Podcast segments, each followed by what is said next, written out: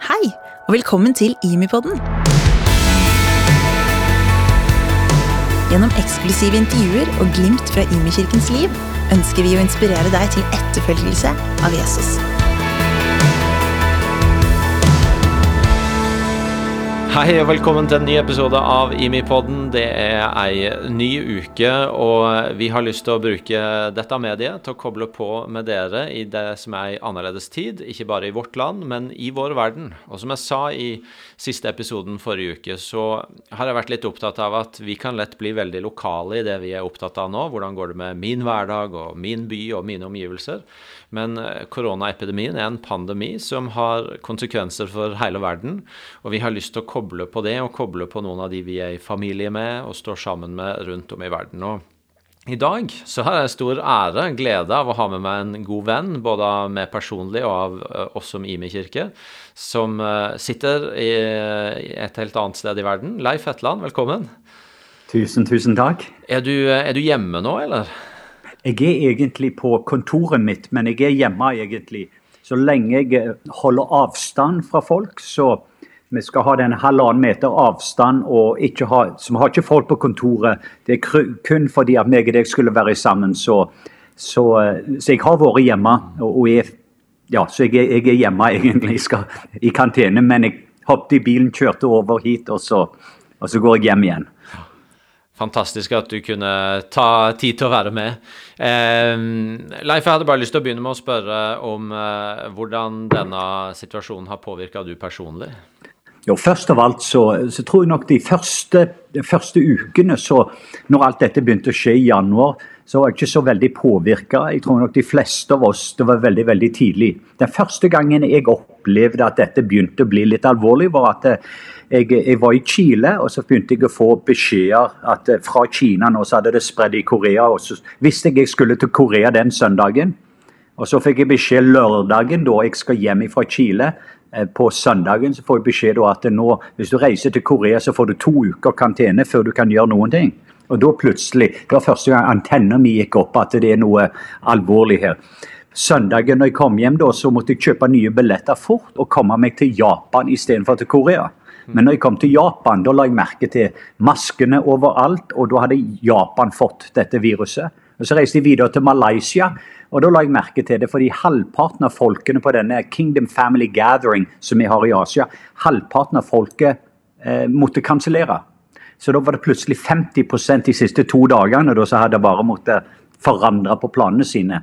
Så Heidi Baker og meg sjøl eh, var du kan si, hovedlederne på den samlingen, men la merke til litt mer av spenning pga. det hadde vi fra 19 land i Asia. Og så visste jeg da nå skal jeg prøve å komme meg hjem i USA.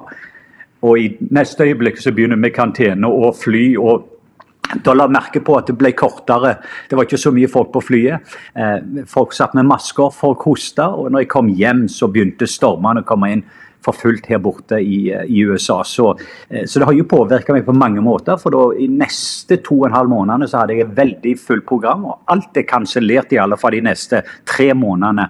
Det neste jeg måtte ta et valg to dager etter jeg kom hjem, det var jeg skulle ha et stort eh, evangeliserende kampanje med 50 000. Hadde nettopp leid meg stadion i Pakistan i april. Og så måtte jeg da begynne å ringe og kansellere. Da har du brukt seks måneder i planlegging. Så jeg begynte å se det på, både på den økonomiske biten, du så det på den praktiske biten, du ser det på den personlige hverdagen, du ser det i menighet der jeg står i ledelse. Hvordan leder man i en sånn pandemi? Eh, eh, spesielt da når du kommer som en, som en kristen midt oppi alt dette.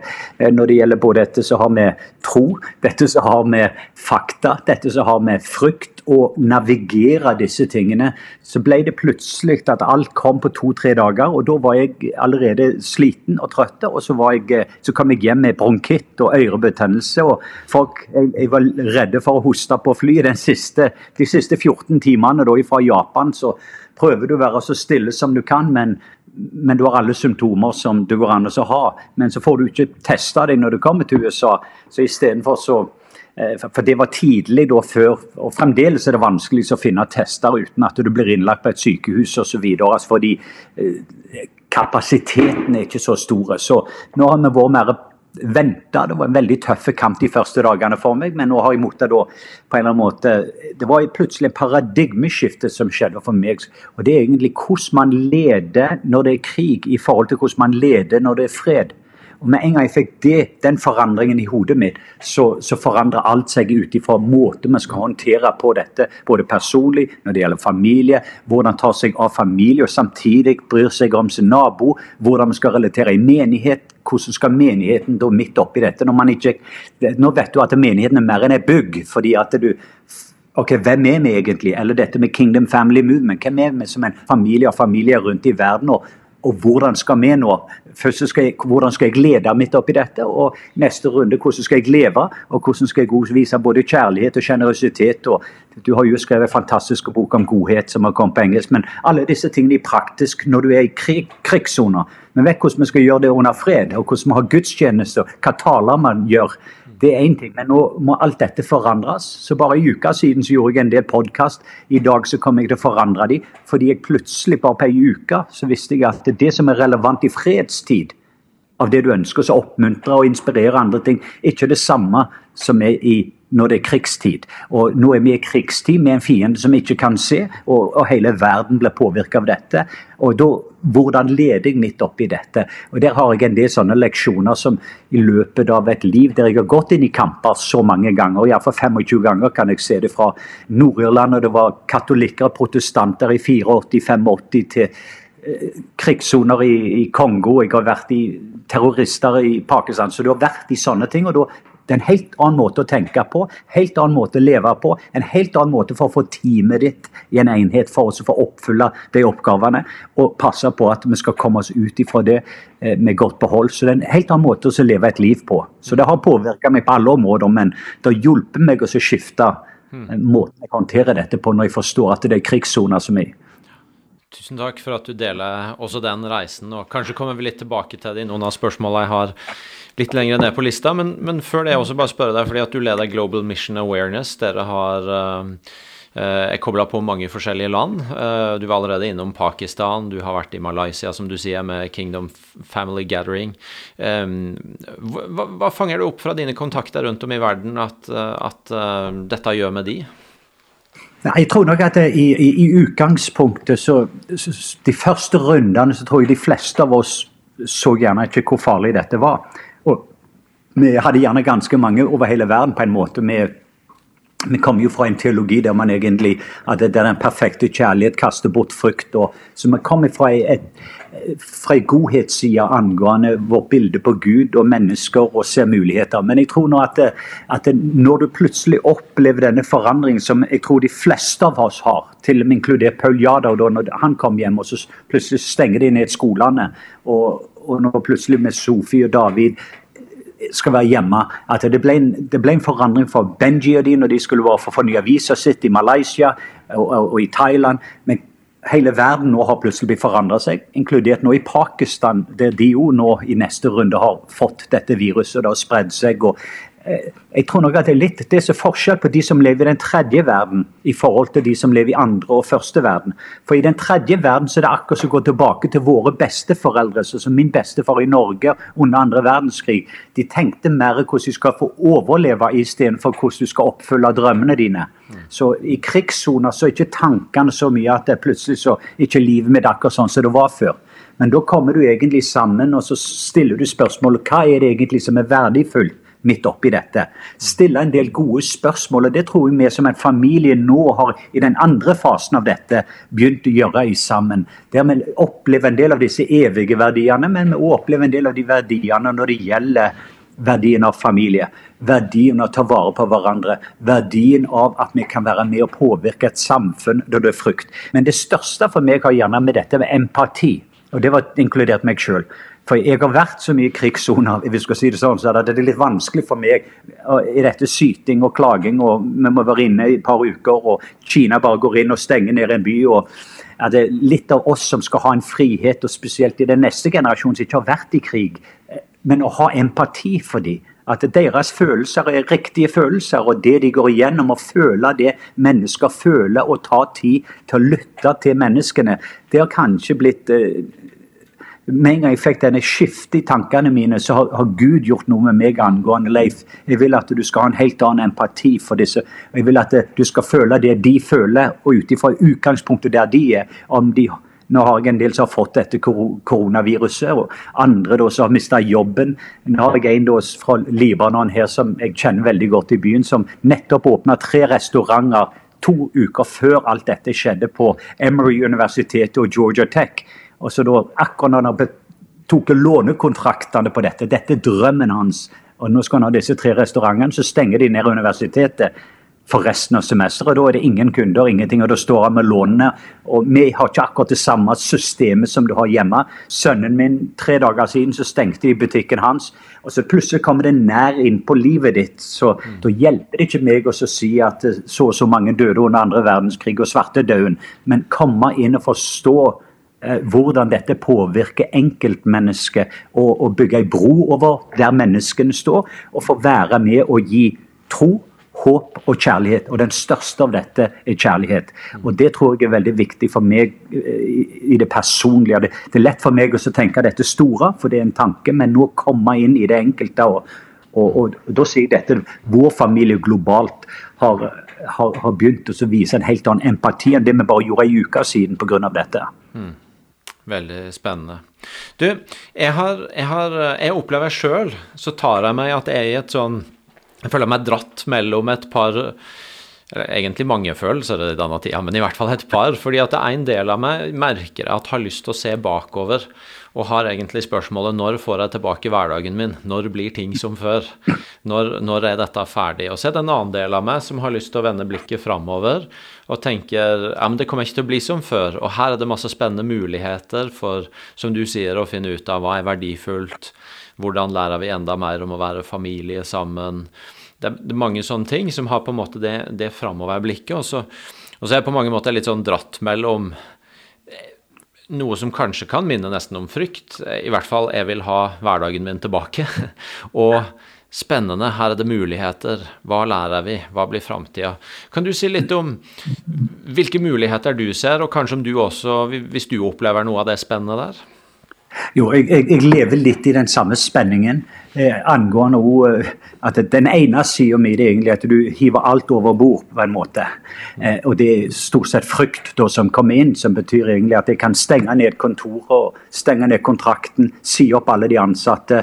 Eh, I neste runde stenge misjonsprosjektene som vi har rundt omkring i verden. Og den ene biten, og kanskje visdom sier det, men det skal iallfall ikke komme fra stol to, men fra stol én. Eh, hvis jeg skal hvis jeg skal håndtere noe, så vil jeg egentlig eh, få visdom i dette. Og visdom er det visdommen sier Når jeg ser tilbake på historien, av alt jeg har gått igjennom, og det verden har gått igjennom, og, eh, og ser der jeg står i dag, og ser på fremtidens håp og drømmer, hva er den viselige tingen å gjøre? Hvordan ser visdom i dette. Og så, så ordet dette, eller What is the wise thing to do based upon my past history, where I'm at in time and where we're going. Så for meg så, så, så tror jeg at det er ikke det at jeg forbereder dem på det verste, men samtidig nå så tror jeg at det, eh, det, noe av det verste man kan gjøre oppi dette, det er egentlig vi gir folk falsk håp midt oppi dette. Og det har det bevist seg om igjen og om igjen. At det, det, er greit å gi folk håp, men ikke gi folk falsk håp det er egentlig at dette blir en tøff periode. Ingen vet hvor vi skal hen, så det er usikkerheter framover. Altså, vi er nødt egentlig, Det mer vi opplever at vi skal si at Jesus var full av både nåde og sannhet. Og her må vi ha både sannheten og nåden i sammen. At de må være i et ekteskap. Og ofte det, det sannheten sier, det kan nåden få være med og forsørge for. Men sannheten må være inni dette. Så at det, En del av de ting som har vært feil, som jeg har sett både på nyheter og andre ting, det er egentlig når folk ikke er helt sanne. For vi skal prøve å gi noe om dette, denne malariatabletten her. og vi, vi, alle prøver å nå ut til noe som skal gi oss håp. Eh, først så tror jeg ikke at verden kommer til å være den samme som den var før. Verden har ikke vært den samme som var før andre verdenskrig og en del andre ting som har skjedd tidligere. Men det betyr ikke at det er dårlig ut ifra vårt utgangspunkt. Så jeg ser jo da at jeg vet ikke hva jeg må gi opp av den tidligere verden jeg hadde. at hvis du sier På 50-tallet så levde det gjennomsnitt amerikaner på 115 kvadratmeter. I dag er det 230, så dobbelt så mye. I 1950 så hadde de fire barn, nå har du mindre enn to barn. Så du har to ganger så mye plass, halvparten så mye som trenger den plassen. og er det store justeringer som skal til i folk sine liv? Mitt eget liv, da snakker jeg om. Og det kan det godt være. Så jeg er forberedt når jeg ser tilbake på at det, Min verden blir ikke den samme. Men så sier Gud, midt oppi dette, så, så har jeg min trygghet i deg, og jeg vet at, at jeg skal være ledet av din ånd. Jeg skal være full av kjærlighet, full av kraft og full av visdom midt oppi dette. Og når jeg ser på framtida, så er det veldig mange usikkerheter. Det er mange ting jeg ikke klarer å se. Jeg, det er ikke denne tida så veldig mye for meg å drømme om hvordan jeg skal se ut fem år fra nå og tre år. To uker siden så satt vi her og gjorde det. Men den tida borte, det var under fredstida vi gjorde dette. Nå er det noe helt annet hvordan man skal operere dette. Så dette med å adaptere, vi skal si det, og adjusting your life nå ut ifra der realiteten er ut ifra i dag. Neste øyeblikket, som jeg sier, for meg så har dette vært med tro. Dette som holder håp. Så det er ikke det jeg, jeg er overbevist om vi kommer til å komme igjennom denne. Og jeg er overbevist at Gud kommer til å bruke alt dette til godt for de som elsker. For det er Roman 8, 28. Så det er en del ting jeg er veldig klar over når vi kommer fram. Jeg tror at vi kommer til å få sterkere familie. Jeg tror at nå hvis menigheten og Guds folk responderer på dette på en god måte, så får vi en mulighet til å vise mennesker midt under elendigheten hvor god Gud er, og hvor elska menneskene er. Og Det er noe jeg ønsker, uansett hvem skal treffe meg. At hvis jeg midt under stormen føler at jeg skal gå unna, istedenfor å vite at det er Jesus som bor båten min, det er jo det som er det forskjellen. Og han hviler. Og Hvis han hviler nå midt under stormen, så hvordan kan jeg finne hvile sammen med han?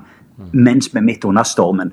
Og Vi ser ikke til ende på stormen ennå, men det jeg kan se på er Jesus midt under stormen. Hvis han hviler, så skal jeg hvile. Hvis jeg ser frukt i Jesus, så skal jeg ha litt frukt sammen med han. Men, men det er det fine. Altså, jeg kom til meg, alle dere som har tunge byrder, og jeg ønsker å gi dere hvile. Det er egentlig når du har tunge byrder, og det er det vi merker nå. Så det er litt av kampen. Kampen om hvilen. Og hvilen blir våpenet. Og Derfor opplever jeg rastløsheten inni meg. Jeg opplever at jeg har, holdt på i 200 km i timen, og nå er jeg nede i 20 km i timen og kan ikke gjøre drømmene mine. Jeg kan ikke gjøre alle de tingene eh, og føle at det er en storm inni hodet på meg. Hvordan bare kan jeg finne hvile mitt under dette? Så det er gjerne det første steget for oss. Det er egentlig bare å finne fred, finne Jesus som er vår fredsfyrste. Finne egentlig hvor er han i båten vår, i livet vårt. Han er min forsørger. Han skal forsørge. Han er min glede. Han er min fred. Å finne hvem han er midt oppi alt dette. Slik at jeg iallfall tar Jesus med meg dag for dag inn i hverdagen, inn i ekteskapet, inn med de som ansatte her osv. Så, og så får jeg bare stole på han. Det er en annen ting med i USA så er det ikke så lett å stole på hele statlige systemet som står bak oss. Så vi er nødt til å stole på han på en helt annen måte når jeg ikke har noe forsikringsordning eller noen ting som dekker denne virus. Det er ikke noen andre som kan ta seg av de ansatte når du må si de opp Og, så videre, og de som du støtter rundt omkring i verden. Jeg tenker på de. Hva som skal skje de som er mer hvis, hvis ikke støtten kommer inn. Så du tenker på sånne ting. Men igjen så må jeg tilbake til dette utgangspunktet som sier Jesus Først av alt, jeg tilhører deg. Alt jeg har, tilhører deg.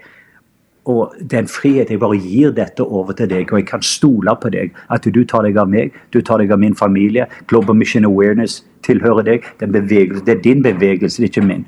Og jeg må bare legge det. Kom til meg, du som har tunge byrder. Så bare legg dette på meg. Det er altfor tungt for deg å bære, men la meg gi deg min hvile midt oppi det. Og Det er vel det som er daglig kamp for meg. bare, ok, Jeg gjør det på nytt, Jesus. Her er en ny sak, jeg får en ny telefon. Jeg legger dette på deg. For du har skuldre som kan bære på det, det har ikke jeg. Mine skuldre er litt for svake akkurat nå.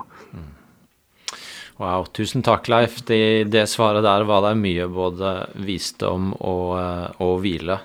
Ehm, jeg har lyst til å spørre deg, Du er jo ærlig på at eh, det er veldig mange planer som er endra for du. Du har eh, på en måte mobilisert opp mot store ting i Pakistan, og du har Global Mission Awareness eh, som, som du er innom her. Hvordan kan vi i Norge være med og be for du og det du står i i denne tida? Nei, Jeg tror nok det, at det, det viktigste som blir for meg, er at det, de som kjenner språket mitt, forstår at jeg er i stol nummer én oppi det hele.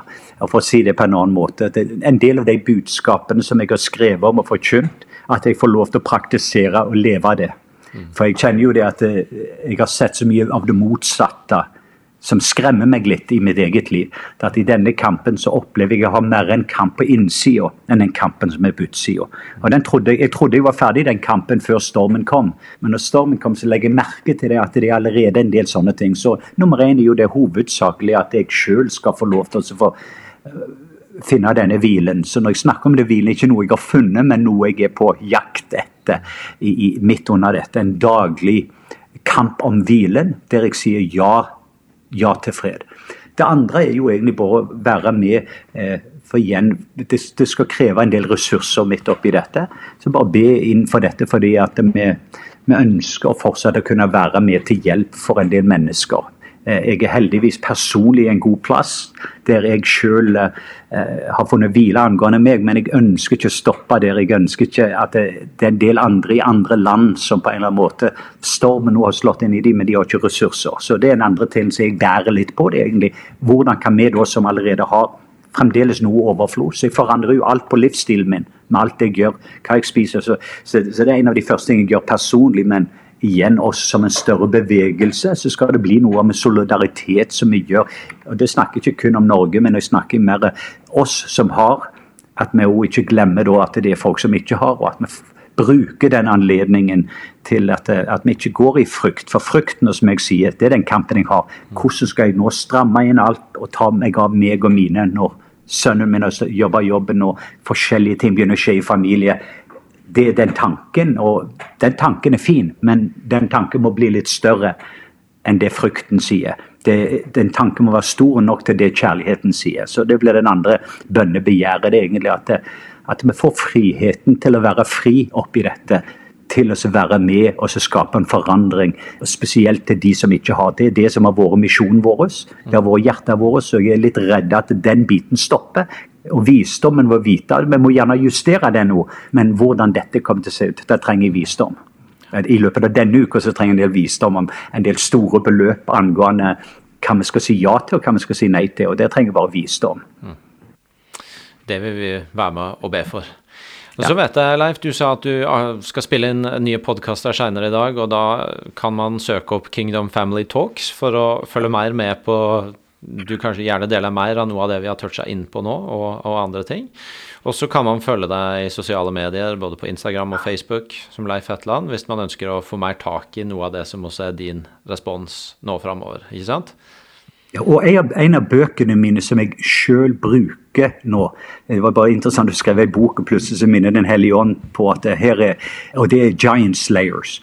Den, den har hjulpet meg veldig mye personlig nå. Så er det litt sånn steg for steg at det Leif, how does this look like when you stand up? Show up, show for the right battle. Så litt praktiske ting til å hjelpe. For Goliat er der nå, men hvordan håndterer vi den Goliat der du går til Du legger deg, og så er det Goliat, og du står opp om morgenen, så er Goliat der, og frykt er der, og midt oppi dette så er det en del sånne praktiske ting som kan hjelpe oss igjennom denne prosessen, slik at vi kan overvinne noen av de kampene som om det er kampen på innsida eller utsida som vi skal kjempe.